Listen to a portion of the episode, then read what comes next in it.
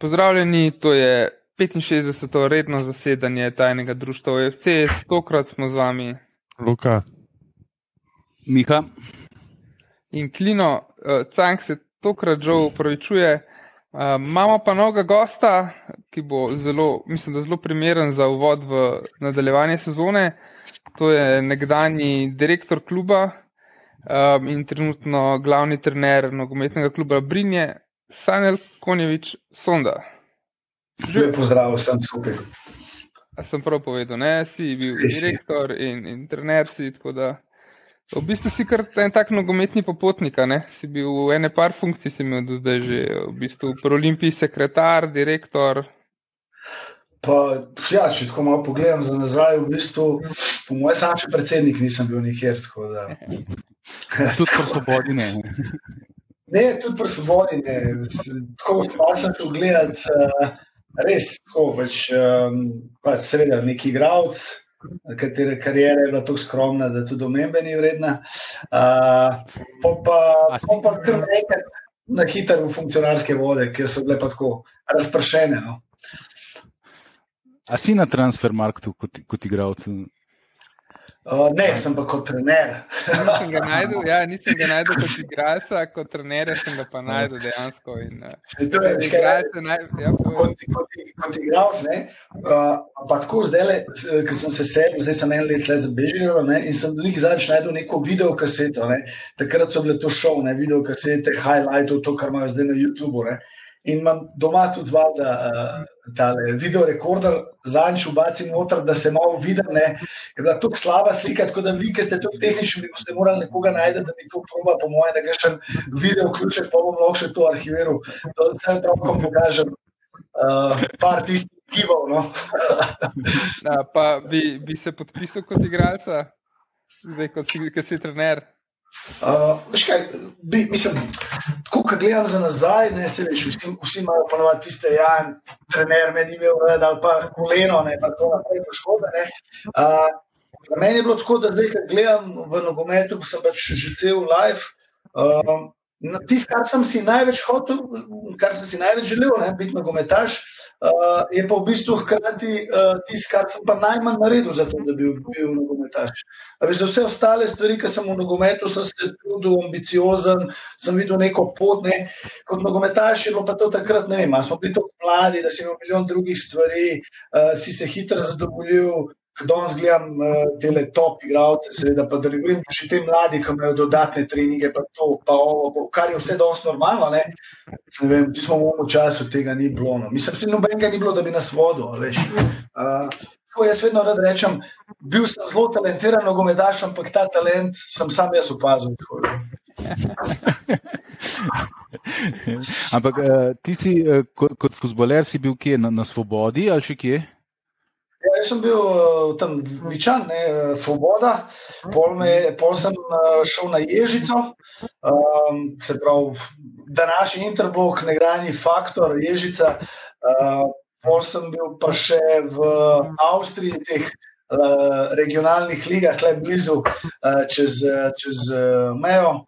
Um, tako da to je bilo to, no, pol, sem, uh, to je bilo to, kar sem hotel resno. V, v, v enem mesečnem času vrnil sem se nazaj na Faktor, uh, takrat še v drugo ligo, potem sem se čez noč odločil, da ne bom več, pa isto tako čez noč sem pa že dobil službo uh, v klubu. No. Da, to je to. Se pravi, To je ta- svojo kariero tudi začel pol nadaljeval tudi v svobodi. Ne, ne, veš kako je bilo. Jaz sem prišel nazaj iz Avstrije igrati na Faktor, bili smo druga liga, tako kar solidna ekipa. In pol polet, ko je bil konc, eh, sem jaz rekel, veš kaj, se to več, ne vem, uno, čist od jutra, da se mi več ne da. Predsednik kluba je bil Matjaž Jakopič, ki včasih delal na nogometni zvezi. Um, pa Kreft, tudi do tega Bošjana Krefta oče, je bil tudi tam eh, kot nek sekretar, direktor. In valjda, bila- mislim, nista bila stara, imela sta še svoje službe na NZS-ju, en je bil, mislim, da v cestnem podjetju Ljubljana. In kao, pa, pa če bi ti malo tole našo organizacijo vozil. Tako da pač naslednji dan sem bil že v pisarni, uh, funkcija uradna je bila sekretar, uh, ampak dejansko um, sem se največ ukvarjal, bom rekel, z športnim delom. No. Tako da, bilo v redu, naslednji dan smo pa že prišli v prvo ligo z, z člansko ekipo. No. Ja, pa, takoj si se poznal, da dobi dela. Ja, takoj, takoj sem, uh, moram pa reči, da je takrat uh, pol sezone smo bili, po mojem, tretji, tretji, četrti. Pa tako imeli smo sol, solidno ekipo, daleč od tega, da bi bili uh, prva liga. Imeli smo enega trenerja, ki je bil tako malo uh, po svoje čuden, še danes se ga spominjamo, Rajko Eršin, uh, ki je bil sicer zauzet, hotel je delati in tako dalje, ampak uh, ni bilo to tone. Pa sem jaz enkrat delim, bom rekel, glavam v klubu, rekel, jaz mislim, da bi mi morali Tomaža Kavčiča pripeljati, ko je bil pa moj trener na svobodi. Ne. Tomaž Kavčič je pol pršel, uh, se pravi januarja za spomladanski del, pa pol v zadnjem kolu v Dravini zmagal 2-1, da smo šli v prvo ligo. Se, to, to je bilo še nekaj, nekaj bilo sporno, oni so se pizdakali blazno, se spomnim, drvinja, glede, tega, glede te tekme, so se neki pritožvali nad sodniki ali neki. Vem, da, ja, vodili so me, se ena nič, ali pa mi vodili, se zdaj se ne spomnim, se vem, da, da je bilo tako, no, pač, mislim, tekmica je bila v redu, zdaj pa roko na srce prve lige si ni zaslužil, ne faktor, ne povedali kluba, ne, ne dravinja. Ne. Škoda, tudi ta faktor je pol roku, pol leta že uh, v prvi legi postal pol interbloka, ne, novi lasniki, drastične spremembe, uh, vse ostalo pa po mojem poznate, ne, kako je bilo. Aha, to je pa ti si vstal. Jaz sem pa v bistvu, jaz sem, bom rekel, skoraj ja, skor edini, ki sem ostal, no, mislim. Uh, Mislim, vse nas je prav veliko ni bilo, ne? ampak te, ko so bili prejšnja uprava, so se pač uh, dogovorili. Uh, nekaj časa so bili še aktivni, ampak je pač to bilo čisto drugačno razumevanje kluba, več, uh, ki je prišel jog s svojimi idejami, kot pa nekdo, ki je bil pa že dolgo časa v nogometu, pa je približno vedel, kako bi neke stvari moral pelati. Ampak se, če si hotel nek hiter uspeh, si moral imeti uh, denar, pa pač seveda bolj avantgardne ideje. Ne? In pol si bil zdraven uh, v ta cajt, te njegove. Uh, ja, veš, kako je bilo. Uh, jaz sem uh, v bistvu že takrat, uh, ko sem nehal igrati, mi je bil cilj v bistvu bolj trenerski. Tako da sem takrat uh, treniral ene, eno skupino fantov, 12-letnikov, uh, med katerimi so danes tudi uh, en igra na Slovaškem, Bajrič, Pol Kapun je še zmeraj živ. Uh, tako pač ena zelo solidna generacija fantov.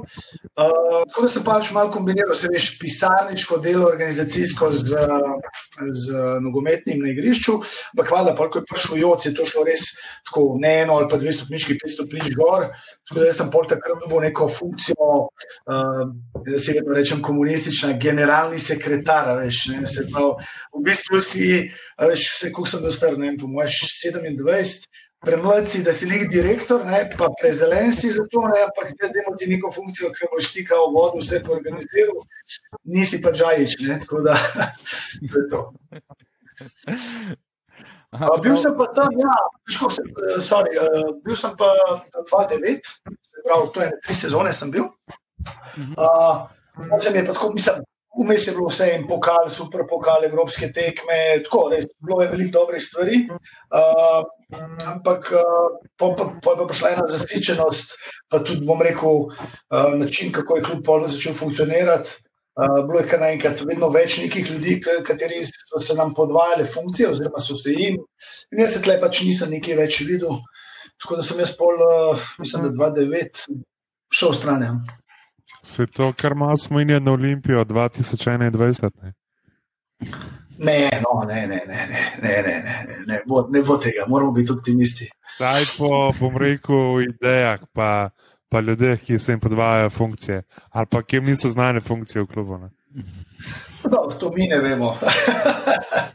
ne, lej, uh, veš bomo pol v Olimpiji, no, ampak. Um...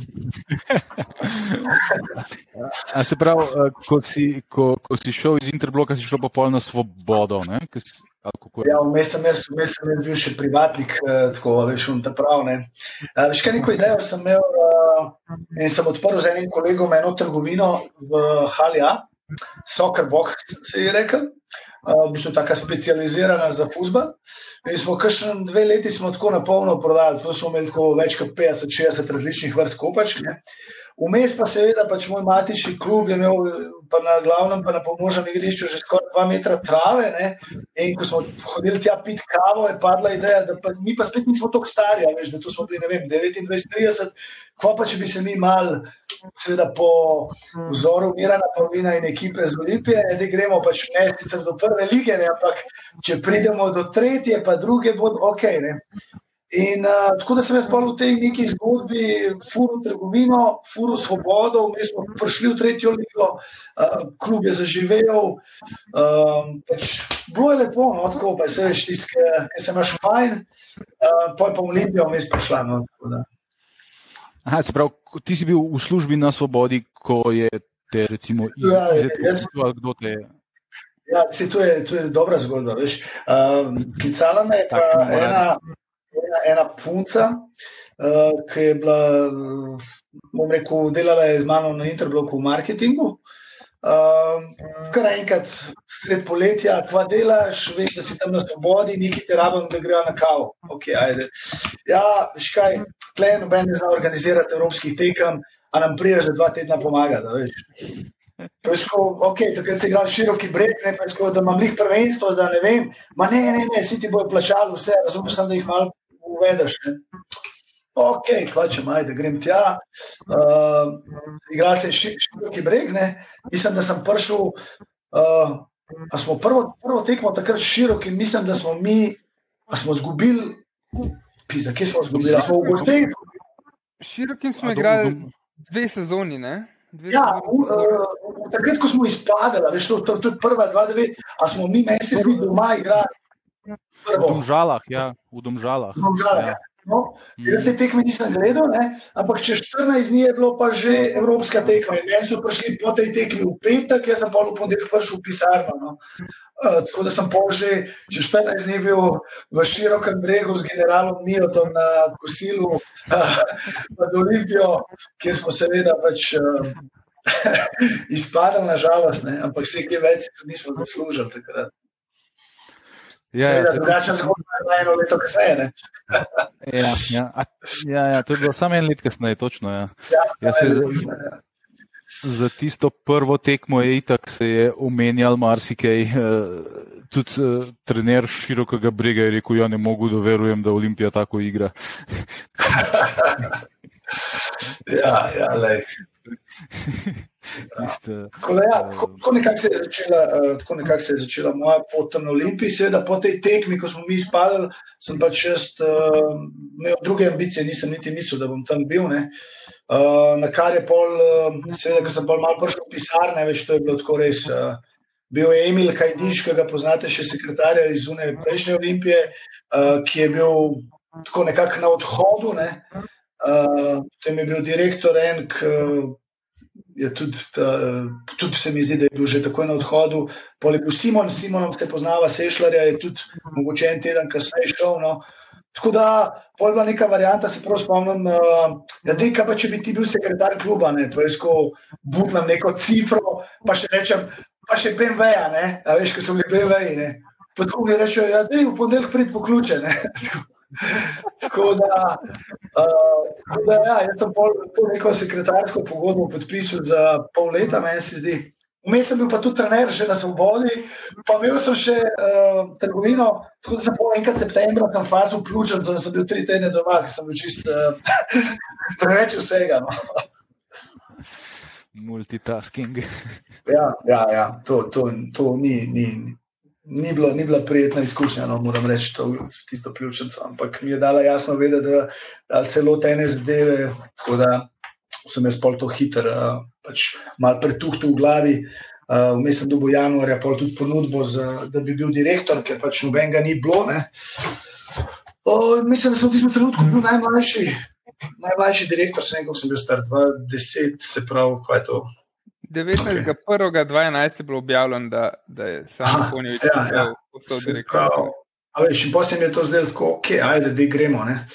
Uh, gremo v nove izzive naproti. Predtem sem še duleta, uh, nekako, jaz se to, to, to zgodbo moram povedati. No, v enem trenutku pač pridem v pisarno in pač vsi so ali dobili odpoved ali jih dali, noben ga ni več, samo še tajnica je ostala. Uh, Hadžo, mislim, da je takrat kot trener šel stran, ne, oziroma so ga dal stran, ga je, so ga odslovili. Simon je šel stran, se pravi, brez trenerja smo, brez športnega direktorja. Direktorja ni bilo, sekretarja, kaj diža, ni tajnica. Ne. In uh, v tistem trenutku, pol, uh, jaz pa pač z uh, predsednikom Izetom uh, so imeli pač nek, mi dva se nismo poznala, ni on mene klical, veš, so imeli nek tak. Kaj sem še kar spoštljiv odnos no, v tem trenutku? No, pol, kdo bo trener? Ne? In pač, ko sem jaz slišal, kaj so vse opcije, ne, sem jaz duleta poklical, on je bil meni v tretji ligi, trener v Krki. Ja, bil v tretji ligi, ker sem ga en teden prej svojo ekipo premagal. Na prijateljski tekmi. Uh, in to spomnim se tako, po mojem, bilo tako, da sem ga enkrat čez dan poklical, da bi bil trener, pa bi bil trener, pa ko me zabavaš, kaj se dogaja. Se rekel, časa imaš samo do zvečer. No? Da, pač, če na ušti bojo te like fakse že pošiljajo. No? Tako da bi bil dole pol zvečer že trener. No? Ampak verjetno je bila tudi dodaten, dodatna motivacija, da si njemu povedal, kdo so druge opcije. Okay. Ej, pa, škva, takrat to nisem hotel jih na glas razglašati, ker uh, so bile, mislim, tako, te opcije so bile. Čeprav so podobne, mislim, da je tako rekel, ta opcija je tako, da jaz, ki trenutno še nimam licence, da bi vodil prvo ligo, da bi zdaj prevzel prvo ligo. No, tako take opcije so bile. No. Okay. Ja. So bila kakšna znana imena danes? Ali je bilo, povem, uh, po mojem, se ga niti ne spomnite, od Čaleta, Saleta, Fotel, Milan Petrovič je takrat bil uh, v kombinaciji za glavnega trenerja, ampak on, mislim, da takrat še ni imel licence, bi nek srb prišel in bi on bil. In pol je bilo to tako, da sem jaz že malo začutil tudi, uh, bom rekel, tisto, kar sem uspel spoznati navijače, javnost, tisto malo ljudi okoli, da to mogoče ne bila dobra situacija. Vem pa, da je Dule bil že v neki prej kombinaciji, pa vsem, ok, mlad trener, mogoče bo paratal kaj. No? Pa smo še Aleša prepričali, Čeha, uh, da se mu je priključil. Uh, tako da, ja, to je to, da taka. To je ena tako zanimiva kombinacija za tisti čas. No? Pa, pa magistra, ne, ali je on kasneje prišel? Magister je prišel malo kasneje, magister je Aha. prišel mogoče malo kasneje. Ja, ja, ja. Magister je bil tako kot svoje, zanimiv lik. No? ja, kot sem jaz slišal, je bil zanimiv lik. Ja. Zdaj, pol je pa, pol pa, je pa že mile prišel za sportskega, pa moj brat za, za PR. To, ja, ja, pa smo mi, ja, pol je bila ena zadeva. Ja, pol je bilo to tako, da sem jaz uh, pač počasi začel uh, neko schemo delati ne, skupaj pač edini, kar si imel v klubu, si imel eh, Rastoderja kot predsednika, pa nek upravni odbor, ampak dejansko nisi pa imel. Pač bom rekel, operativcev. Ne. In uh, ideja je padla, da bi to bil Mile, ki je takrat nehal, se vrnil iz Avstrije.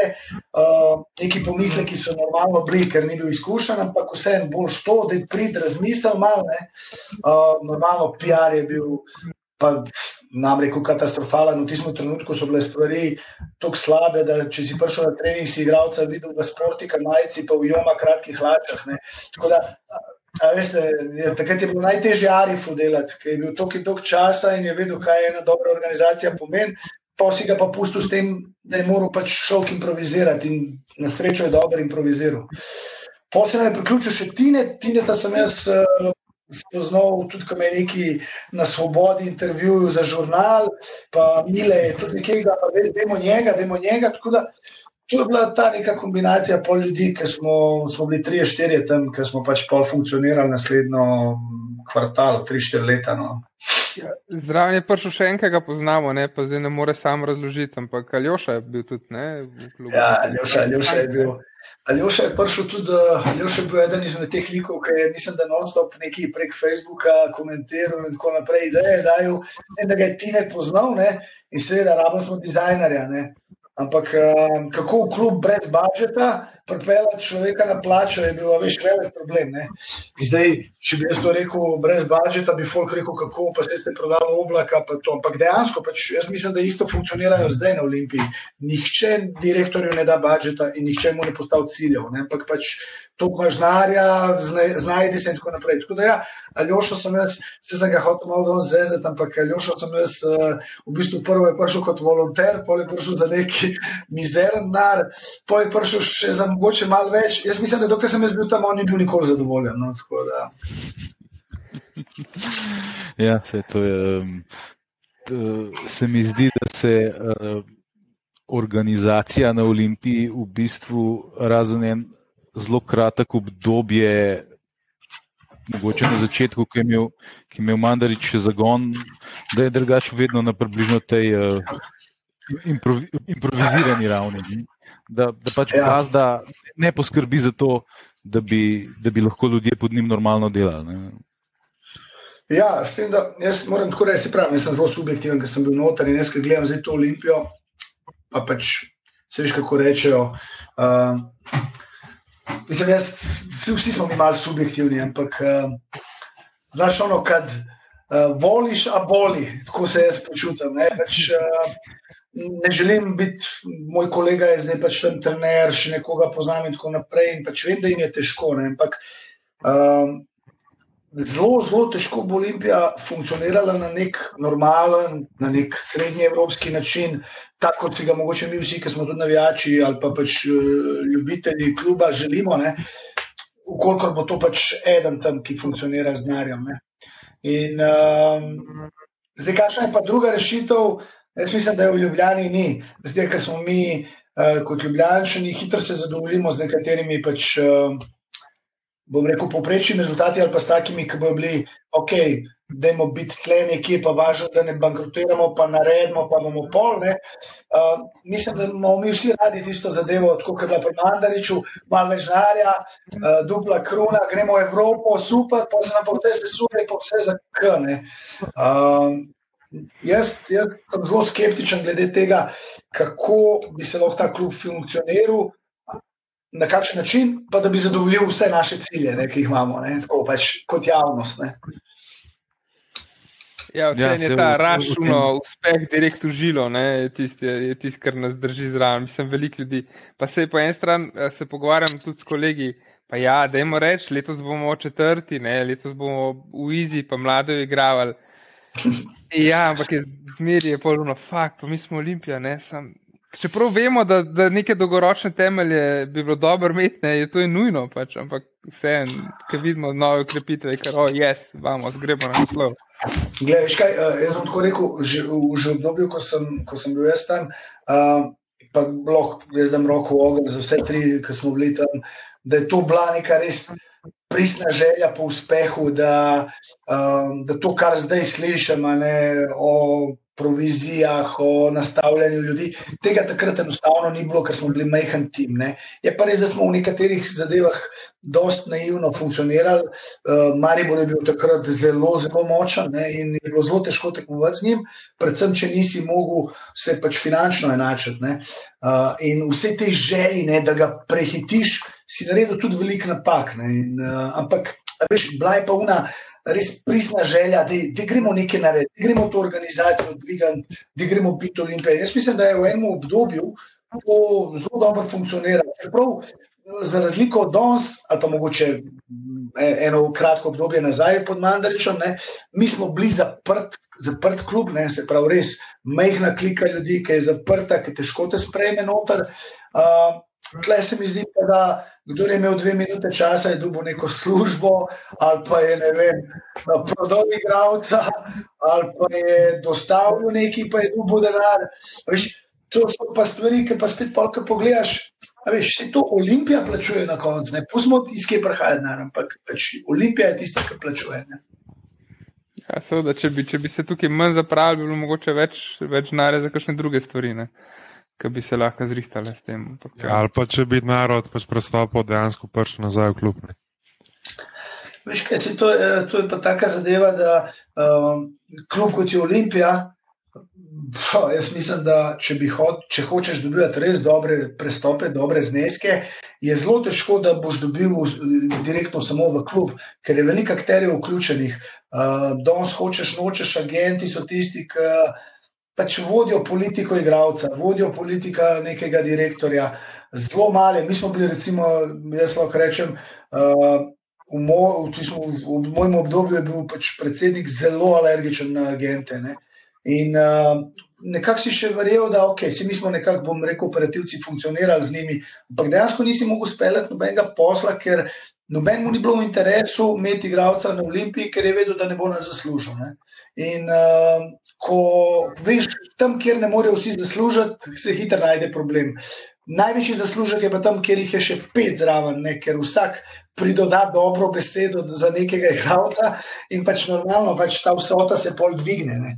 Uh, da bi, mislim, mi smo sanjali, uh, da se je zgodil nekaj najhujšega, kar se lahko zgodi uh, takemu klubu. Mi smo prodali Dareta Vršiča brez agenta. Se pravi, uh, najboljšega igralca svojega si prodal brez agenta, malo da už prodaj vse ostalo brez agenta. Ja, to je bil prvi in zadnji primer. Ne, No, ampak ja. zdaj, um, prej smo začeli že govoriti o Miletu. Um, jaz imam Mileta, pa ne mogoče, da tudi njega. No, se mi zdi, da bi ta res persona, smo, okoli katere smo se nevijači, ful poistovetili, mislim, ful smo ga imeli v, v čislih.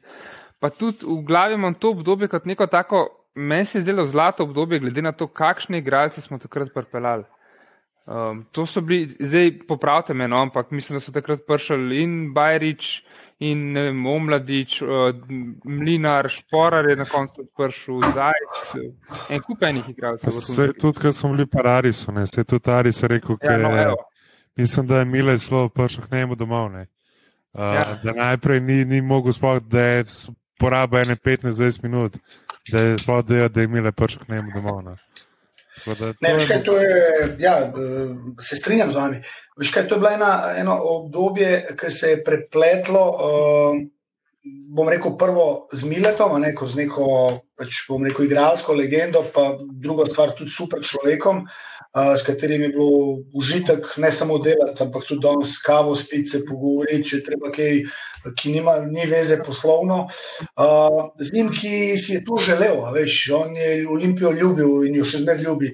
In ko imaš ti nekaj željo, pa, po, po, pa potencial, pol pride sigurno do nekih dobrih rezultatov. In seveda, na drugi strani si imel. Bom rekel, neke moje izkušnje z mojim delom v Interbloku, ker vsi ti fanti so bili pri meni, pri meni v narekovajih, ne se pravi v prejšnjem klubu in so bili v tistem trenutku, ko je bila Olimpija uh, z mladinskimi selekcijami na nižjem nivoju, normalno so bili oni top, of the top v Sloveniji. Ne.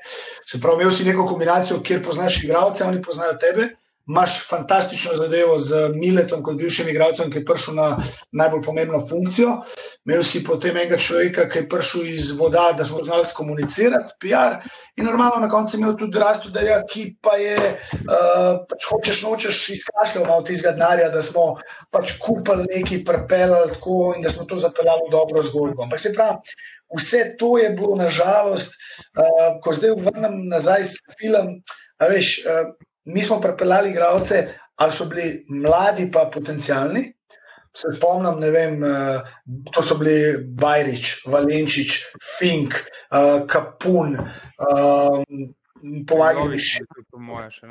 Ne, šest, sedem jih je prišlo z Interbloka, fanti, ki so ali igrali drugo ligo ali pa mladinsko ligo. In veš, na, naša naj, največji problem je bila ta naivnost, da jih bomo mi po eni sezoni dobri prodali. Uh, oni so se vsi prodali, ko nas več ni bilo, a veš, polih je stojič prodajal, mi smo jih pa prodali. Veš, izgleda, veš, ti, ti igralci so bili pol jedro kluba, pa pol je Mandarič zaradi teh izgledal uspešen v bistvu. Tako, tako in Ranko Stojič, pa, da jim ne vzemamo nobenih ja. zaslug, ja. seveda Ranko Stojič, menedžer in tako naprej, top. Ampak ti fanti so vsi rabili CCA 100 tekem v prvi ligi, da so izrastali v neki, da so zdaj današnji reprezentanti, da igrajo v tujini, da so na koncu koncev se prodali. Ne. Uh, jaz ne bom nikoli pozabil zajca, uh, pač lovimo ga z menedžerji, a ga bomo vzeli ali ga ne bomo vzeli. Ne? In na koncu pride neka odločitev, moja, da gremo ga vzeti um, na posojo, pa bo igral pri mladincih, pa bomo že čez pol leta pametnejši. Valda, to je bilo pol še kasneje po razdrahu. Uh, vsi se poškodujejo, ja, kvačmo, ja, da ga igrati. Ja, da mu ga igrati, onda dva gola, valjda njemu cena zraste, si vse, a veš, in pač čez pol leta je šel že v celje. Tako da, veš, ja. Vsi smo bili naivni v tem, pa se zdaj, ko smo Olimpija, se bojo hoteli z nami zmeniti. Mm, ni, ni tega, to, kar veš. Tle, kot se jaz spomnim takratnih časov, je bil Darko Klarič upleten.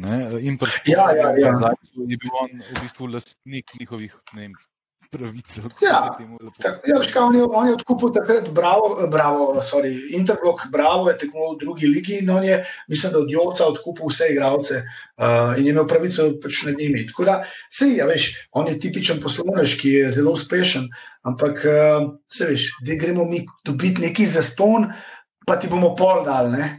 Ampak v nogometu je tako, da uh, dokler še nič nismo zaslužili, ne? dokler smo vsi na nuli, ti bo vsakdo v 50 postov.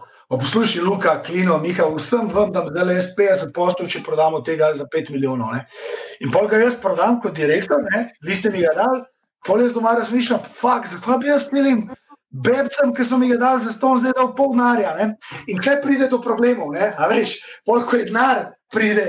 A veš, takrat prihaja do problema. Ne? In valjda, ko so ljudje skužili, tako kot je en klarič, ki je pameten, čakaj malo, da ti meni zdaj, pa bomo še pol, ne? se je pol to začelo tako dogajati, ne? da so pač ljudje že takoj pri ta prvih zaračunavali dobre vsote, da so lahko prišli pol nekam. Ne? Ja, sej, za, za, za, za šporarja je bilo tako, da, bila, da je, vem, kako, da je, da je bilo celo samo pos, neka polovična lastništvo. Je, ja, zdaj je zdaj. Ja. Če le ja, ja. ne bo ti izplačil izplačil. Uh, Bile so te pogodbe, ja. Ja, ja. Sej, jaz mislim, moram reči, pa ne zdaj, da ne bi hotel povedati, ampak to je bilo tega, da, da več se niti ne spomnim. Ampak sigurno, ker nismo bili v stanju, da bi kupovali igralce, si se za future fee dogovarjal in tako naprej.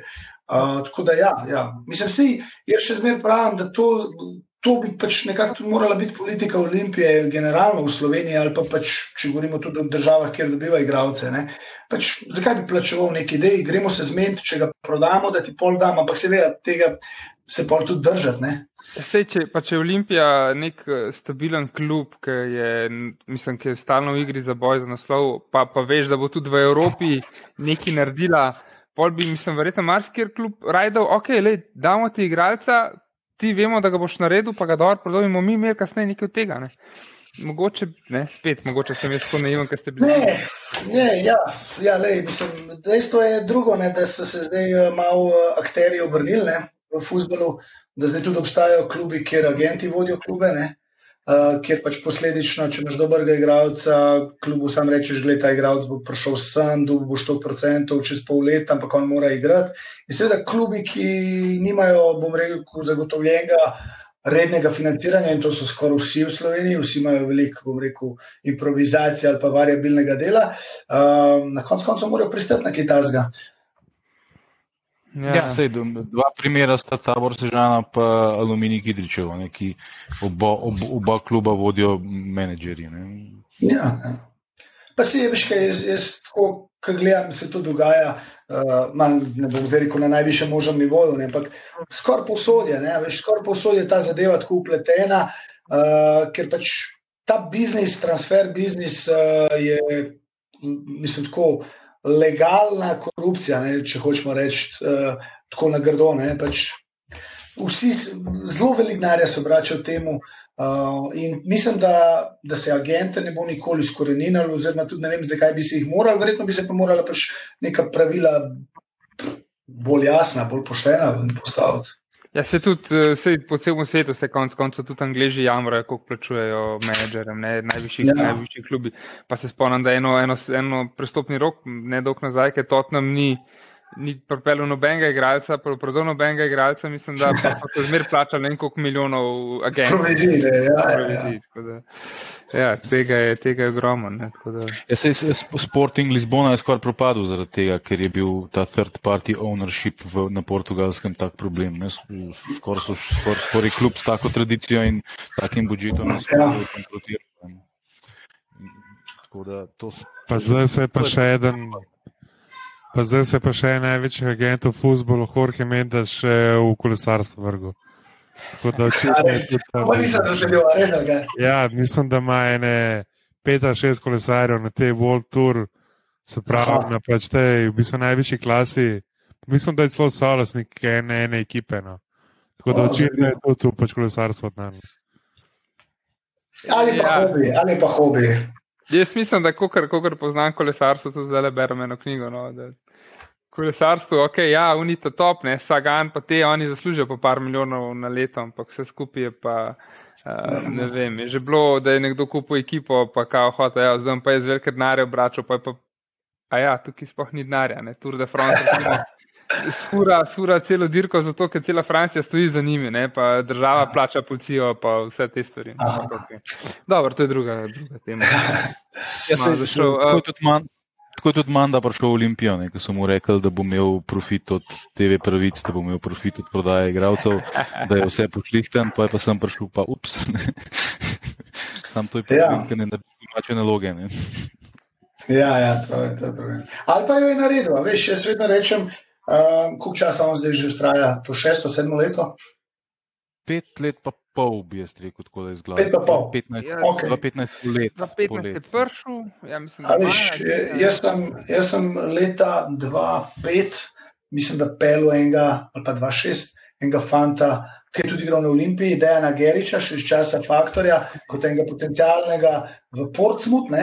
Um, In tam je bil Mandarič. In pa, ko malo gledam, a veš, vsi, mogoče pa njemu, taka država, taka liga, tak klub, kjer, mislim, milo rečeno, ni opozicije, pa tudi odgovarja.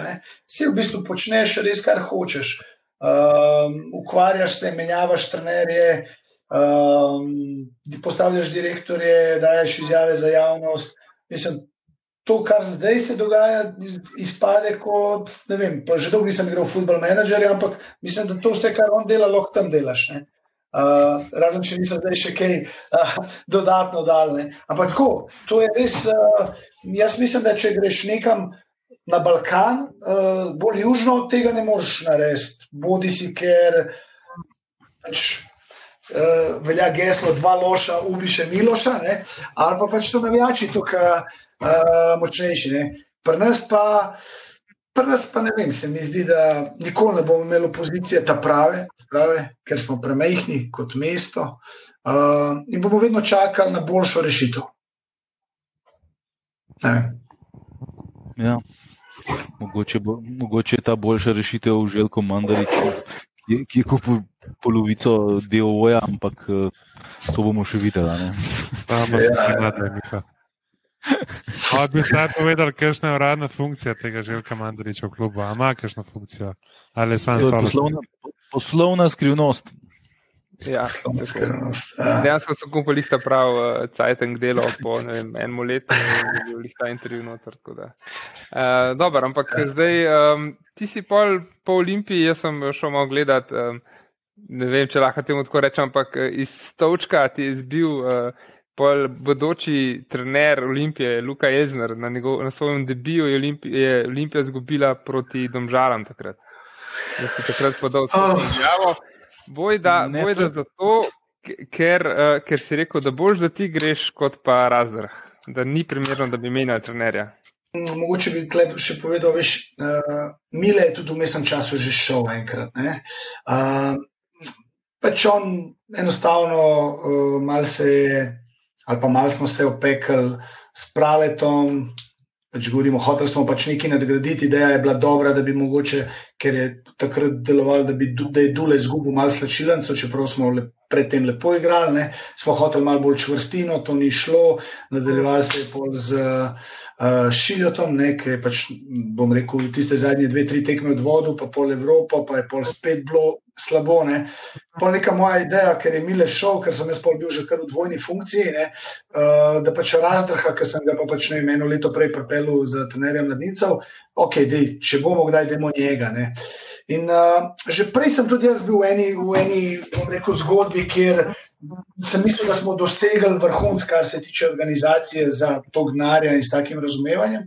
Ampak, ajde, pol sta me malo tine, pa mile enkrat pripričala, pa smo rekli, ajde, gremo še enkrat stisniti. Ampak uh, enostavno, um, jaz, jaz sem pol bil tam tretje leto. Pa če tako pogledaš, ne, kot rekel, tisti uh, direktor kluba, ki je takoj pod upravo oziroma predsednikom, si imel tri ali štiri menjave trenerjev v treh letih, se pravi, neke stabilizacije ni bilo. Ne. In jaz tudi uh, enostavno, pač uh, life takrat je bil res divji, to me ni bilo več doma. Um, veš, ni, ni, to, ni to bila funkcija direktorska, ki sicer strateško si jo postavil, pa si hotel nekaj, ampak je bilo day-to-day uh, biznisa neverjetno. Uh, tako da jaz sem si pa še kar zadal mal cilj, da bo razdrh podpisal vem, štiriletno pogodbo in zato, da ga ne bi dva slaba rezultata, en podkupljiv novinar, ki spije z nekom kavo ali pa kdorkoli tako, ne, malo odnesel. Ne, uh, smo se tudi takrat, sem jaz pač naredil eno tako zadevo, da pač njega ne moramo kar tako tako oterati, da bo imel pač klauzule po, bom rekel, evropskem sistemu, sicer ne milijonske, ampak lej, Ne moreš me tako, kot zdaj, ki so te trenerji, ki pridejo, pa imajo dva meseca ali pa tri, pa jih poteraš, pa predtem ga pa predstavljaš, pa se slikaš, da je on rešitev in tako naprej. Uh, okay, uh, problem pri razdrhu, oziroma pri naš, naši takratni zgodbi, je bil točno ta, kar sem na začetku rekel. Vsi ti fanti, ki smo mi od njih pričakovali več, kot so bili oni v tistem trenutku sposobni dati, ne, Šporar, Bajrič, Kapun in tako naprej, ne, so bili takrat samo mladi potencijalni, ki imajo šanso za igrati. In oni so eksplodirali kasneje. In jaz, jaz sem v enem trenutku rekel, ok, skoraj že štiri leta sem tle, uh, zgubil sem že vse lase. Uh, uh, v enem trenutku sem tudi, bom rekel, m, slabo odreagiral v odnosu z navijači. Uh, ko gledam za nazaj, moja napaka, preveč sem bil mogoče kako bi temu rekel, po svoje sem nekaj hotel pripeljati, nisem poslušal druge strani. Uh, in pa če sem se takrat odločil, da je to tone. Um, nekako sem vedel, da ker sem znal dobro handlati, bom rekel, z upravo, s predsednikom. Ne, pač vse to je bilo. Polno kompromisov, jaz nisem tip, ki se krega, se pravi, ali gremo naprej, pa sprejemamo kompromise, če pa se ne da, pa pač, ok, to je to, jaz grem. Pa, pa sem v enem trenutku rekel, da bolj, da jaz grem, Uh, pa ne zdaj, da mogoče se bom kdaj vrnil, ampak ti grem, dokler je pač to zdravo, zrelo. Ne? Čeprav sem nekako malo vedel, da bo to začelo padati, ker sem bil tam štiri leta najdel, vedel sem malo, kako te stvari funkcionirajo. Pa za mano tam ni bilo nobenega, to, to je še danes čutim, malo pomankanje tega kadra. Uh, ne glede na to, da imamo številne bivše nogometaše, trenerje in tako naprej.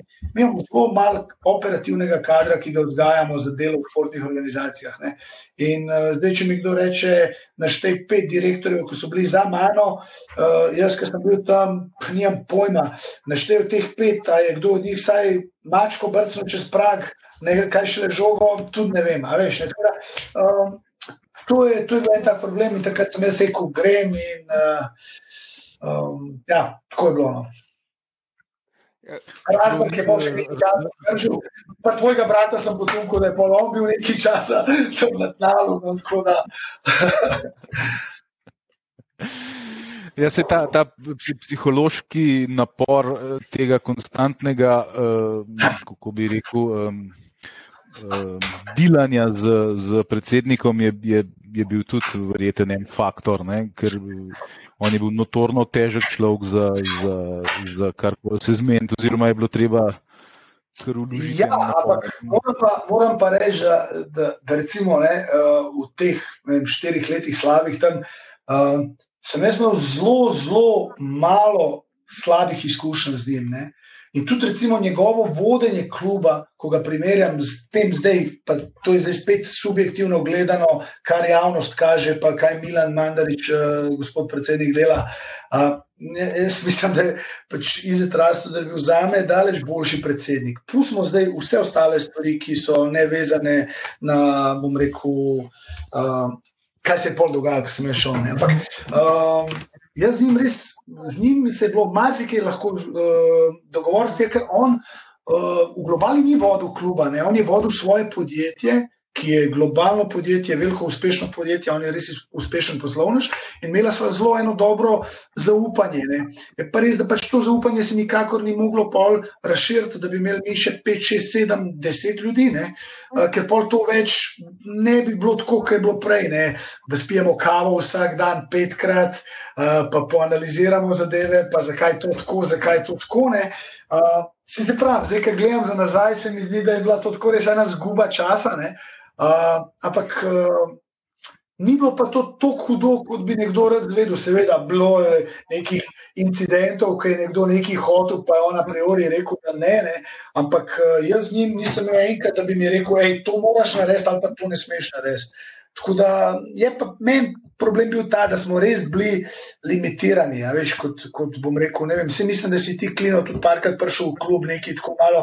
Mi, mi smo imeli zelo veliko potencijala za ljudi, ki bi lahko delali, smo imeli dobre projekte, ampak um, normalno pač ti ljudi moš plačevati. In ti ljudi moraš tudi plačati tako, da so oni, um, da niso odvisni pol še od drugih stvari. In to je problem tudi generalno slovenskega nogometa, ker um, vem, če, če rečem za enega trenerja, ki je profesionalc v mladinskem pogonu, pa da mu zdaj reči, da je njegova plača 2000 enot, pa da on s temi 2000 enotami dobro živi, ampak glede na to, da imaš ti zelo slabo športno infrastrukturo, ti od njega ne moreš pričakovati, da bom profič, da bom bil pri tebi 8 do 10 ur. Ne? In on seveda naredi dve uri treninga ali pa uro pa pol, še pol ure malo se stankuje, ja pa se pa najdu še eno službo za 3-4 ure, da bo dobil še 2000 enot. In ti od tazga nikoli ne boš najdu najboljšega profiča. Ne? In veš, klepol denar nima nobene vloge, ker če bi jaz dal, ne vem, kliro teb, zdaj sem se na te spravil, 5000 enot takrat, ampak bi bil za te delati samo. Tri ure, ja, bi ti se najdel še za štiri ure, še pet tisoč enot, veš. Ne? realno, mislim, ti, ja, jaz ne, ampak večina ljudi tako funkcionira. Uh, tako da jaz se, pravim, jaz, se, jaz se čudim zdaj, ko slišim, koliko ljudi je v klubu, ali bilo pred kratkim, ali je še zmer, pa noben več o njih ne ve. O nas si takrat vse vedel. Mi smo bili tri ali štiri in si vedel, kam hodimo, kaj je, zakaj je to tako, zakaj ni tako. A veš, tako, bilo je, se mi zdi malo bolj sproščeno. No. Ne, pa, ne rečem pa, da je bilo prav, ne, daleč od tega. Ja, jaz sem šel takrat pa enega brazilca v Benetke. No, vidiš. Izkušnja je prišla, da sem ga, mislim, da odtronil od omžale. Ja, Tisto je kar zabavno, meni bo to. No. Ampak pač ja, jaz sem takrat rekel, ajde, valjda, nekaj malega sem dubil, ampak to ni bilo pokrit. In to je to, ja. Le. To je um, ki ga je Tine na YouTubu najdel, verjeten. Ja, takrat je Tine začel svojo scouting kariero in uh, pač jaz vedno rečem, da je da, če, da, da jaz zdaj uh, nimam rešitve, za, uh, kako, kako bi klub lahko financiran, bil, se pravi, da bi bil stabilen. Imam pa rešitev, kako bi pa postavil organizacijo kluba zdaj, da bi se približala k temu. Ampak, um, ko, malo gledaš, ne, zdaj, kakšni ljudje lahko pridejo spet nazaj v klub, veš, pa kdo bo prišel, pa kdo bo. Veš, to je vedno tako, s kom bi šel zdaj delati. Vem, deset let nazaj sem bil bolj mlad, bolj eh, naiven, bolj motiviran za nekatere stvari, zdaj bi bil malo bolj realen in bi po vsej verjetnosti pač uh, rezultati mogoče še več trpeli. Hmm. Zdaj, uh, se tudi o tej organizaciji kluba, pa to lahko kašno rečemo z veseljem, ampak jaz bi mogoče razslišal še, še um, vemo, kako smo se navijači počutili. Vemo tudi, mislim, da smo z nekom, uh, z Delamejo, s kom smo govorili o tem na podkastu, ampak tekma Olimpija, Avstrija. Ja, ja viš me in gre, ker uh, ma, ma se, mi, ma, se mi dotakne ta tekma, moram reči, da to, to nam pozabo. No. Uh, Prav, ti si bil tako, prva, prva tekma, koliko je bil rezultat? Ena, ena, ena, ena v Ljubljani, ena, ena v Ljubljani. Gor smo pa zgubili 3-2. Gor smo pa zgubili 3-2, ja. In to je tako znano kot med navijači Olimpije, kot sodniška kraja. Ja, mislim, da. Škaj, jaz sem prvo tisto tekmo v Stožicah videl kot en tak dogodek, ki ga nismo imeli že dolgo časa. Oziroma, mislim, če primerjaš, jaz kot otrok sem hodil za Bežigrad, ampak spet so bili to drugačni časi, veš, teh spektaklov. Mm, proti Avstriji, mislim, da je bilo poletje že, ne, ker je bila pač Evropa, toplo, dober dan je bil, veliko njihovih navijačev, naših, naših naredili fantastično sceno. Uh, Vršič je zabil nek gol, mislim, da dober. Uh, tako nekako smo se žive počutili. Veš, Mile je bil mal pod to euforijo bivšega kluba. Ne? In zdaj, ko smo mišli gor, jaz moram reči, da ne glede na to, kakšni smo bili optimisti, ne?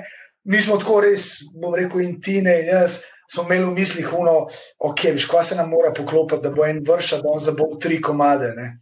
In uh, jaz ne bom nikoli pozabil te tekme, uh, predvsem zaradi tega, ker smo prišli na VIP. Ne? In je bil VIP tako plačljiv na polno, ne, Avstrijci so tekmovali, da med sabo plačajo tiste karte in da tam jejo. Uh, druga stvar je bila pa ta, da pač eh, se to, ne vem, za to anegdoto, če ste že slišali. Ne, um, O polčasu, vse ne vem, zdaj točno koliko je bilo, je bilo ena nula, polčas za une. Ne, uh, ne ena nula, pardon, ena, ena nula. nula ja. In zdaj uh, pač tekma se začne in mi v neki deseti sekundi dobimo gol na 2-0. Ampak ja. dule Kosiča ni na, na klopi, veš. Dule, klopič, dule Kosič je v garderobi, pač zamuja štart tekme in prihaja na klopne. Robi in Glaro takrat sedi, kot dule, pravi, ajde, ajde, zdaj pa bomo. Robi pa zuno, faco so, pa bomo, ko je kurac 2-0 že izgubljamo, ne, pa dule, ko ne, ne, ne. To je, to je ena taka anekdota, ki je sam nikoli pozabil. Pa pol uno, ko smo izenačili, pa pol tisti penal, mile, Anželko iz roko, neki. Tako, takrat se mi je bilo hudo vrniti domov, ker je bilo ogromno ljudi, naših navijačev tam uh, na Dunaju. Uh, tako, bili smo blizu, blizu nečesa, no? pol se nam to več v, v moji eri tam ni več zgodilo v Evropi, no, nažalost. Ampak takrat mi je bilo to res tako ena res dobra tekma, ki je ena dobra čustva prenesena. No. Se mislim, da je takrat, ja. da, da je na podkastu no, tudi, uh, tudi Antonijo rekel, da, da se je čutil, da takrat bi pa lahko nekaj naredili. Da tisti bi tisto leto, ko se poklopi, da eno leto prej so se res učili še, pa ja. ni rata, ali drug, to, to drugo leto je pa bil pol občutek, da, da čuden, da, da, da res škoda, da ni rata, no, da bi lahko kaj, kaj bilo. Pa Mislim, ne, je bilo zdaj. Poklopil se je takrat, da smo mi v bistvu eh, po Avstriji, mislim, da še Maribor 4-1 doma razbil, uh, ko so oni prišli z matrami iz Rangercev. Tako da, a veš, takrat je bila neka res dobra, dobra atmosfera. Ne? Ampak, a veš, za kaj tazga za nekaj več bi rabo več. Veš, tudi, ko gledaš igralce, ki smo jih mi pripeljali, to so bili vsi igralci, ki smo jih mi vračali v življenje. Ne. Vsi podobno je zdaj. Ne. Uh, tudi Vukušice vračajo življenje in tako naprej. Mi smo verjetno pač uh, obsojeni na neki tasga, ne, da, pač, uh, da smo ta klub v taki regiji, da privabimo nekoga, ki rab, da pride nazaj, pa na drugi strani šporarja, bajriča in te. Ne. In se pravi, če zadanes to neko kombinacijo, uh, uh, da imaš podpor, kot ga imaš lahko v Ljubljani, ne, to vemo, da je lahko zelo dober, in da imaš normalno organizacijo kluba. Ne, uh, za me normalna organizacija kluba bi bila, da mi zdaj. Pa pustimo zdaj mi, ampak da neki navadni navijači sploh ne bi vedeli, kdo je športni direktor. Ne, da ne bi vedeli, da ti ime športnega direktorja ne bi nič pomenil, da ti ime predsednika, razen spoštovanja, ne bi nič pomenil. Ne? Ker če imaš ti neko znano ime, preveč pričakuješ od njega. Ne? Kje se prvo te ljudi učijo? Ne? To je prvi ključni problem. Ne? Športni direktor se svojega zanata uči v tvojem klubu, v mojemu, v našemu. Se pravi, on če zaja, on je zaja tebe, mene, navijače. Uh, če pa mi imamo nekoga, ki. Ah, le ga tega zdaj, ne vem, XY, ne, ni ne vem, koliko igra, pa ne vem, kaj vse. Uh, Pa če on naredi kakšno napako, ok, mogoče bo lažje. Če on naredi nekaj dobrega, ma se to ni on naredil. Ne? Se pravi, lažje ga pustimo na miru. Ne? Če mi imamo predsednika, ki se ne bo ukvarjal s PR-jem, non-stop, razen enkrat na leto, ne bomo mi vsi zadovoljni. Tudi če se bo tam v zadju nekaj drugega dogajalo, ne? uh, mi verjetno do tega ne bomo sploh prišli. Ne? Tako da jaz mislim, da je tle rešitev, predvsem zelo, zelo dobra organizacija kluba, uh, predvsem zelo dobra strokovnost kluba, predvsem zelo dober sodobni način dojemanja nogometa kot, rekel, uh, kot funkcioniranja in financiranja neke panoge, ne, pač nekega kluba. In uh, pri nas smo mi zelo, zelo daleč od tega, veš. Zelo, uh, mislim, da bomo. Da, da kar zaostajamo za časom, uh, ker nimamo že osnovnih vsebin, to so strokovne, uh, organizacijske nimamo preskrbljene ali pa poskrbljene za njih, tako da se pač navaden človek ne ukvarja s tem. Ne. Mi, kot navadni navijači, bi se morali samo ukvarjati, ali je menalo unga pred riblo ali je hotel streljati, ali je Aris uklizel ali je on tam. Veš, mi se pa dejansko zdaj uh, v tej olimpiji Že ko sem jaz prišel, sem se moral ukvarjati, kdo bo sekretar, kdo bo direktor marketinga, kdo bo tajnik, kdo bo imel opremo in tako naprej. In pač to je bil javni problem, ne? ker so pač vsi to vedeli. Polko si to zrihtel, nam je bilo kar nekaj dobro, si to je bilo zrihtano v enem letu. Mi smo proti Avstriji Duna igrali v zelo dobrih dizajniranih dresih, ki jih je Cank sam dizajniral. Prvi smo bili, ne? Valjda so bili virma, ne? ampak takrat, ker je to bilo neki top, ne? je bilo nam to nobenih gledov, je virma, ne, ne, pa ker si dobro igral. Ne. Ko to ne gre, pa greš gledati, fakle, tele, leve, ne, v virmi igrajo, ne, a več ne, tako da. Ja, sej, zdaj sem se z nekom pogovarjal in smo se strinjali, da če bi bili mi organizacijsko na isti ravni, kot Maribor, Maribor niti enkrat ne bi bil prvak v, v teh 30 letih neodvisnosti. Ne. Jaz sem pripričan o tem. Ja, ja. Mislim, viš, po drugi strani imaš pa to, kar sem jaz pregovoril, imaš pa v Mariboru, kjer pa v Mariboru, pa po moje, pa lih tam ne more noben funkcionirati, da bi bil športni direktor, pa da nima neko ime. Ne? A veš, tam, pač, ker je um postavil tako visoko letvico, da kdorkoli pride, uh, pač ga boš težko. Veš, ker pri nas pa zdaj, ko pogledaš, kdo so bili športni direktori v zadnjih, ne vem, da reči, petih, šestih letih kluba. Ne? Uh, kdo je zdaj, zdaj ga ni, zdaj ni noben. Pa je bil Rudi, se pravi, Rudija, roko na srce, noben, po mojem, niti več resno ne tretira, razen tistih, s katerimi delaš posle. Uh, potem je bil Ranko Stojič, ki ni prišel kot športni direktor. Ne? Pol je bil tale, ki je bil zdaj pomočnik v Admiri, že ne, ko je že bil um, Komljenovič. Uh, iz kakšne zgodbe si ti prišel v Olimpijo biti športni direktor? Ne? Kako, kaj, zakaj? Uh, A veš, mislim, na zadnje, ki je bil nekdo, je bil verjetno Mila Čimovič kot športni direktor, pa, da, da smo rekli, ok, doma je, vrnil se nazaj, probo bo, da imamo mu šanso. Um, a smo mi Koblinoviču dali šanso tako generalno? Ne, ker smo bili tako negativen predznak, pa človeka sploh ne poznamo. Ne? O Ranko Tostojiču, um, hm, hm, dober menedžer, izstop v hladno, izstop v hladno. Zdaj, za Rudija, Rudi bi lahko jutri prodal, verjetno Vukošiča za 10 milijonov, pa bi mi vsi ga pluvali, govorimo vsi kot navijači.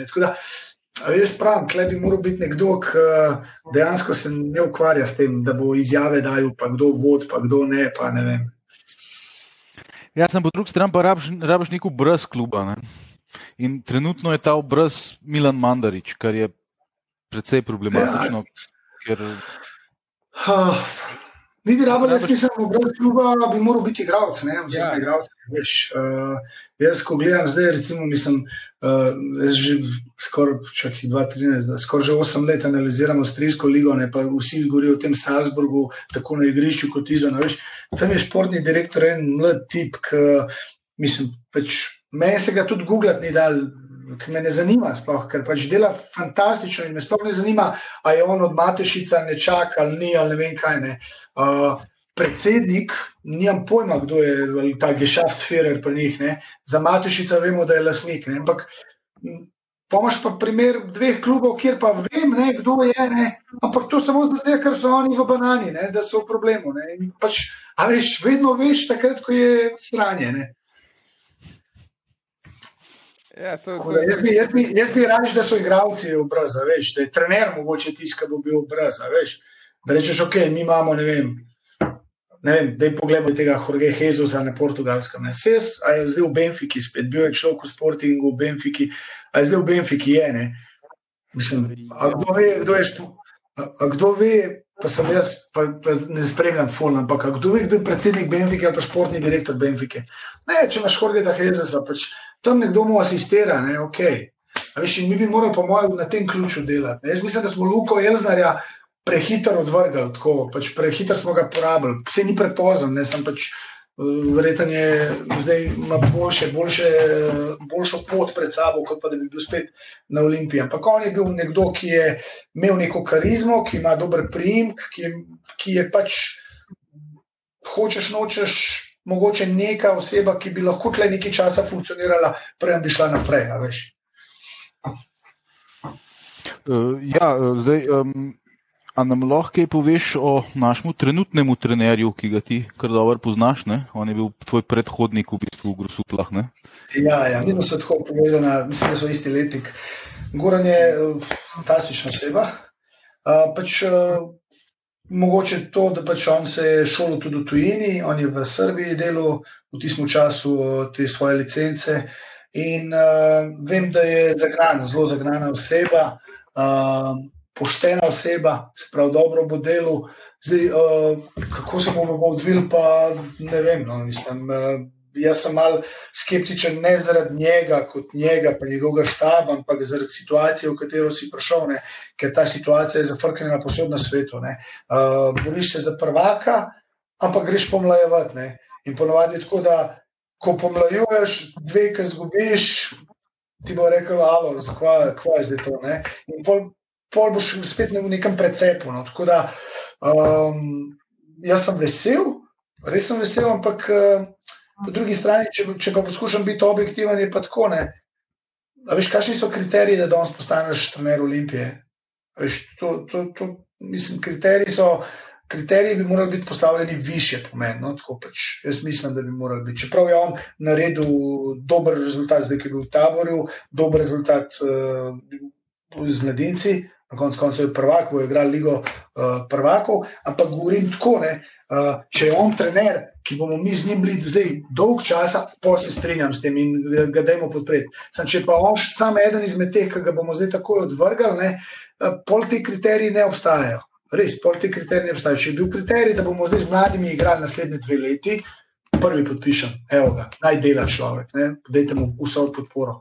Sam, če ga boš pa zdaj žrtvoval, pa ga oteru, pa polet propelu nekoga, ki mu boš pa dal 300 tisoč evrov za plače igralcev, ukrepitve in tako naprej, a veš, pa, pa, pa se pa res, mislim, pa je pa težko kaj pametnega komentirati. Ja, se pa, to je pa pri Mandariču nažalost tako, da tle pa v bistvu dejansko ni nobenih zagotovil. On lahko reče, kar če, lahko reče, pomlajeval bomo, lahko reče, imel bo čas dve let, ampak nič od tega dejansko ne velja. Ne? ker si človek mm. premislil v dveh minutah. Ne. Ja. ja.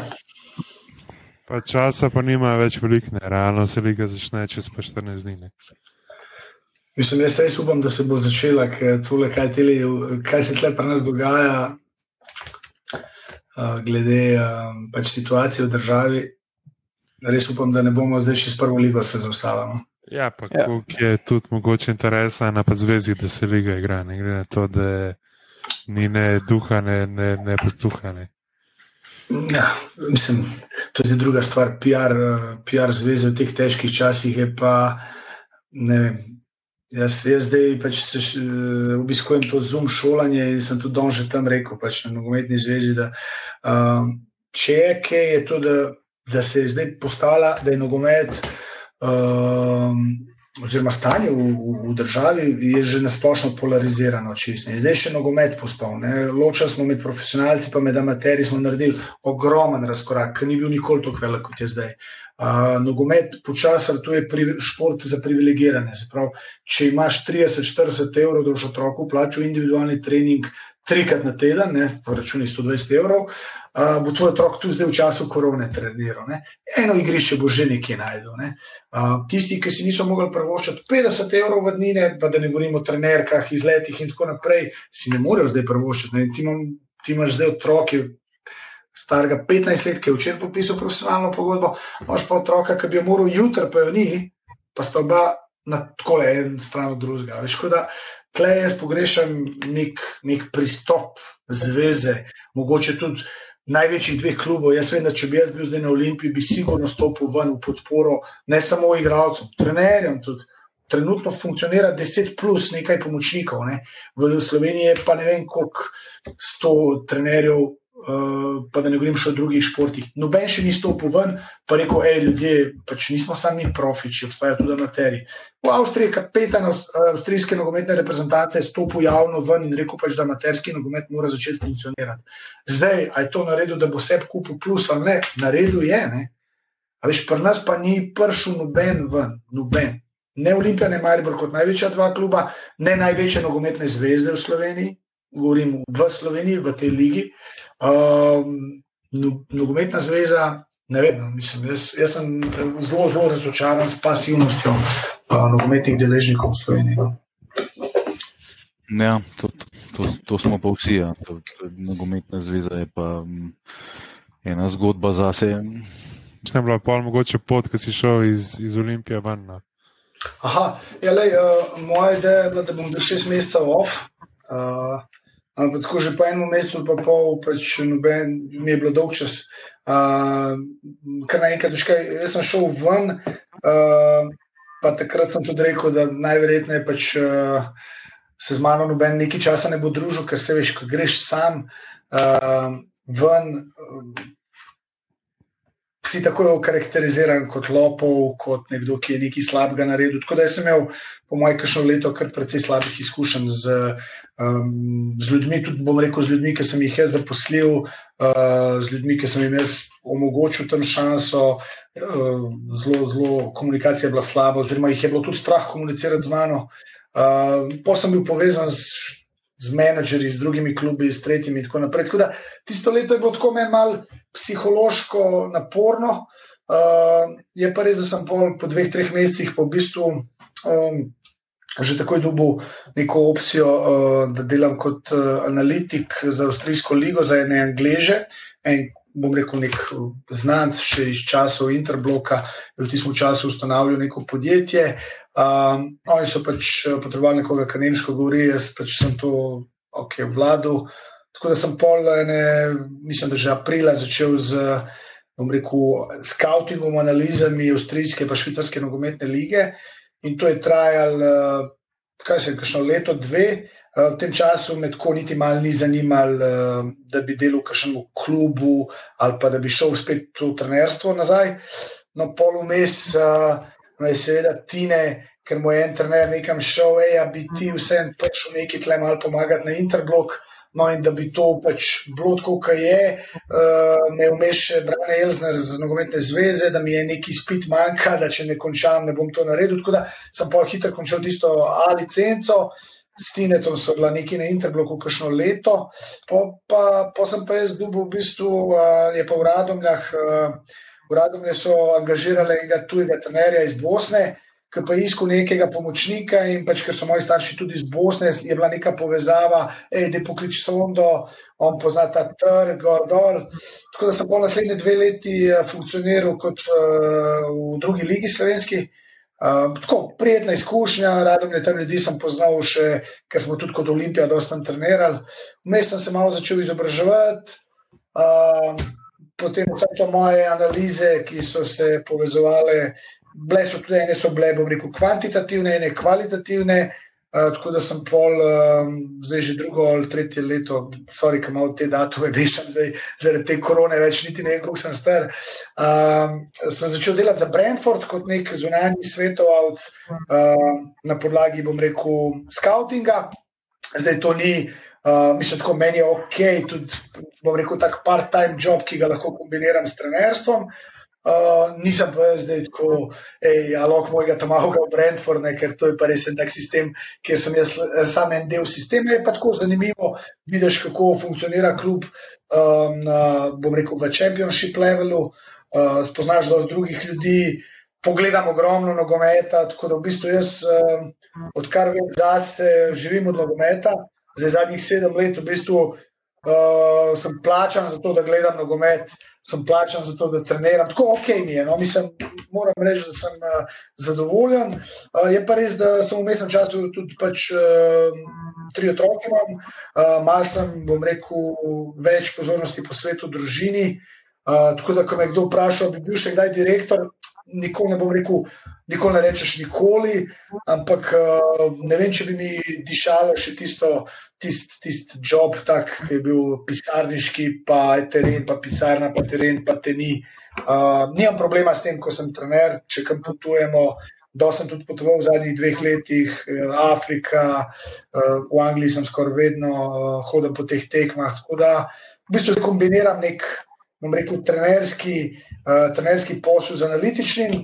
S tem, da tleh pri trenerstvu sem tako, jaz sem dosti samozavestna oseba, tako da jaz, uh, imam cilje visoke, uh, mam, vidim se pa pač tudi nekje v tujini, ampak se pravim, uh, zdaj, zdaj sem mogoče prvič po nekem času pripravljen uh, da, da bi pa mogoče lahko šel. Prej sem vedno to malo zaradi družine, niso otroci zrastali in tako naprej. Uh, zdaj sem eno leto v Grosuplju, spet me tine, ne, mi dva smo poleg tega, da smo prijatelja, smo tudi uh, poslovna sodelavca, tako da je res uh, ena fantastična oseba, s katero uh, rad sodelujem, rad pa se tudi družim. Brinje je en tak uh, mali klub, specifičen, zelo uh, ima zelo veliko pozitivnih stvari, ki se jih tudi na Olimpiji ne bi sramoval. Uh, je pa seveda pač limitiran z svojo majhnostjo, z okoljem, z tekmovalnimi ambicijami. Tako, meni to trenutno, dokaj ne končam te prolicence, uh, pašeno. Super. Uh, Brentford. To je en zelo zanimiv projekt. Ne? Mislim, da je Brentford in Midland tudi povezan klub. Ja, ja, ja oni so ja. povezani. Ja. Kako izgleda vse skupaj tam? To je, mislim, tudi ni, to ni v, v, v slovenskem merilu je to ogromen klub, seveda, kot organizacija, ampak to je v bistvu ja. nek malček angliški, konc koncev. Ja, jaz sem v bistvu odprl prej, zdaj že pokojnega Roberta Rovana. Uh, njihovega tehničnega direktorja, ki je dve leti nazaj umrl, srčno kap, imel star 28 let. Uh, tako, pač res uh, šok je bil za vse njih. On je bil, mislim, da škot, ki je tako pač mal analiziral tekme, bil zelo mlad. Začel delati na Škotski zvezi, pač tako, kot so ti zdaj Twitter analitiki, je on v tistem času začel nekaj stvari delati in so ga prepoznali v Brentfordu. Um, no, skratka, sem prek njega prišel uh, v Brentford. Um, oni so bili pionirji v tem, da so ukinili svoj mladinski pogon. Uh, Oni so iz Londona in so ugotovili, da pač uh, porabijo in vržejo ogromno denarja na letni ravni, zato da jim potem Arsenal in vsi ostali, ali pa londonski klubi, ostali pač speljejo kogar čas za noč ali pa za zelo malo denarja. In uh, tam pri njih, glede na to, da so to privat klubi, njihov lasnik je uh, Smart Otsma, se pravi kompanijo, ki se ukvarja z. Pri, mislim, z postavljanjem kvot, zastave in tako naprej, prodajajo na, rekel, na trg uh, azijski. Uh, so ga poslušali, ukinili so mladin, vse mladinske šole in so usta, poleg prve ekipe ustanovili B ekipo. In oni imajo zdaj B ekipo, ki trenira v istem času na pač seveda, sedmih, osmih igriščih z istim številom trenerjev po istih principih. In so, odkar je on to ustanovil, se pravi, ne vem, da jim rečem, uh, 5-6 let, so v prvi tim že dal, ne vem, skoraj že 10 ljudi, obstaja neka v njegovo ime, pač uh, Bradford, Ro, uh, Robert uh, Rowan, uh, Map, kamor se upisujejo vsi igralci, ki iz B ekipe debitirajo. In oni so pač dokazali, da bolj se jim splača to, da ne tekmujejo nikjer, hodijo po raznih uh, turnirjih, tekmah. Um, pripravljajo se za prvo ekipo, skautirajo. Mi smo imeli celo slovenca tam, par let nazaj, enega iz Krke, 16-letnika Nova, Jan Novak, um, ki je sicer pol bil po dveh letih uh, spuščen, ker ni šel skozi. Ampak um, tako zanimiv projekt so, me, so naredili. Uh, povezali so se pa s tem Rasmusom Ankersom, ki je pa uh, Midland uh, vodi, oziroma on je zdaj tudi nek direktor futbola v, v Brentfordu. Oni so pa pač šli na to uh, manj bolj variantno, statistično in so dokazali, da lahko z uh, statistično prilagojenimi treningi osvojijo prvenstvo na uh, tam prvih. Uh, tako da na Danskem. Tako da uh, je pa res, da to osvojiti tam, pa v Championshipu je pa zelo velika razlika. Um, predvsem ta je ena najtežjih lig, najbolj, največje število klubov, ima, plus uh, Brentford po financah je prej v spodnjem delu, kot v zgornjem delu. Ampak so bili kar blizu, ne, ne smem spremljati tog čempionšipa, ampak so. Playoff so imeli, playoff so izgubili ja, uh, s Fulamom. Ja, ja. Bili so ja. eno tekmo daljni od ne vem kolikih milijonov in so jo res za nič odigrali uh, Golman je dobil gol pod roko. Da, uh, vprašanje pa je, mislim, oni zelo veliko prodajajo, kupujejo, prodajajo. Uh, tu moram reči, da priložnost, da bi kdaj v Brentfordu delal, uh, je zelo velika. Uh, pred kratkim so zaposlili dva tipa, kot sem bil jaz. Enega so poznali v Parizu in uh, zdaj v Parizu pokriva francoski trg. Uh, eden je v Angliji pokriva, mislim, da Irsko, pa Škotsko, sploh zdaj zaradi Brexita, ki bodo imeli neke opcije vzemati, mislim, da večje opcije vzemanja mlajših igralcev. Tako da je pa tudi res, jaz pogledam ogromno tekem in uh, ne bi verjel, kakšne tekme vse so se gledale. Uh, če vam rečem, da sem gledal tudi tretjo polsko ligo, uh, se pravi, za vsak, vsakom futbalerju rečem, nikoli ne veš, kdo te gleda. Tako da res, to je v današnjem času res nikoli ne veš, kdo te gleda. No, evo, motivacija za vsakega. Ja, ja. Kam je nekdo gleda? Ne?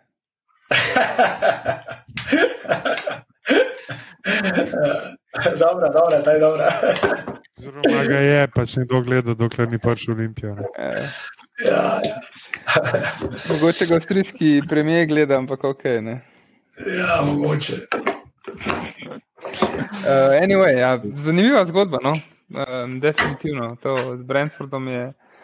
Uh, okay, ne vidim, jaz sicer, da bi to, ta, ta, te, ta sistem ne moš preslikati v Olimpijo. Ne, ne, ne, ne.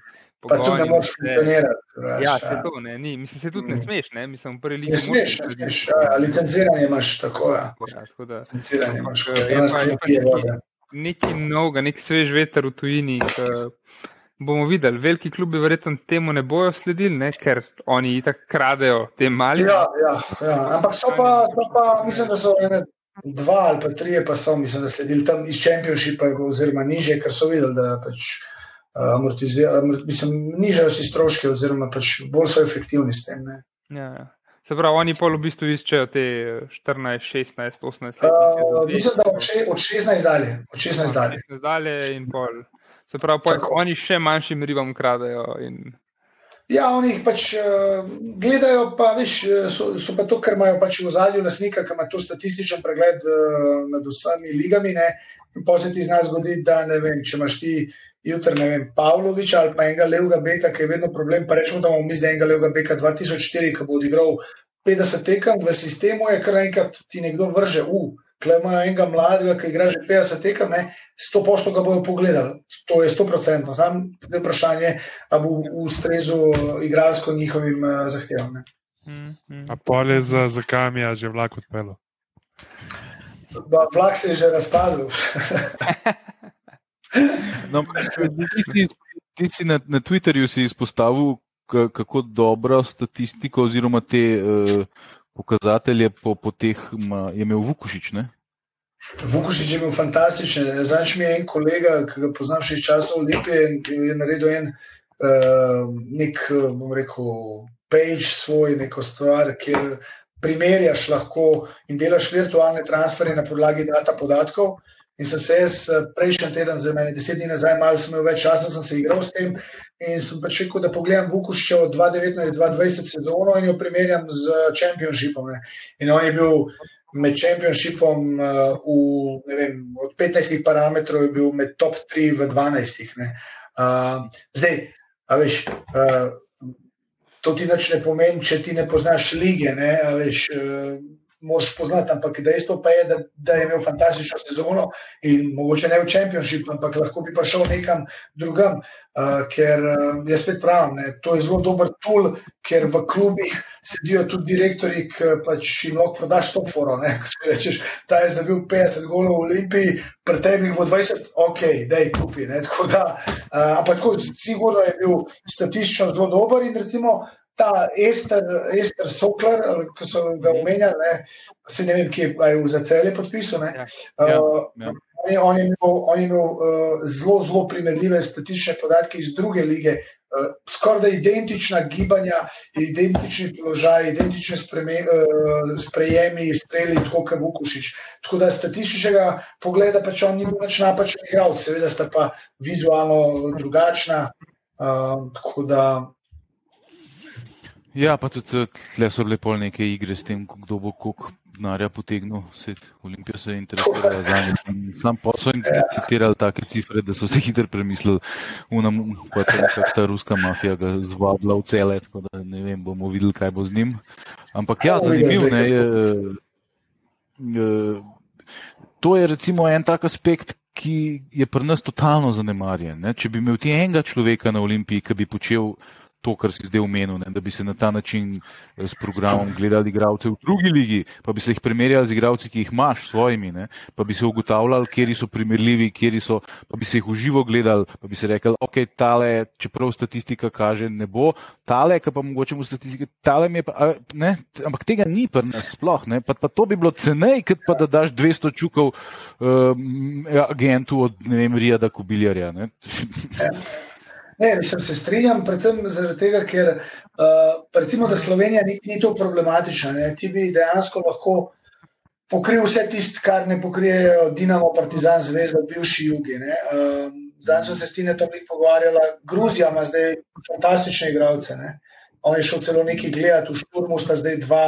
Um, obstajajo trgi, ki jih ti lahko prek platform, kot so Vajscout, Instant-Scout, ki jih vsi te klubi v Sloveniji plačujejo sam pač jih ne znajo uporabljati.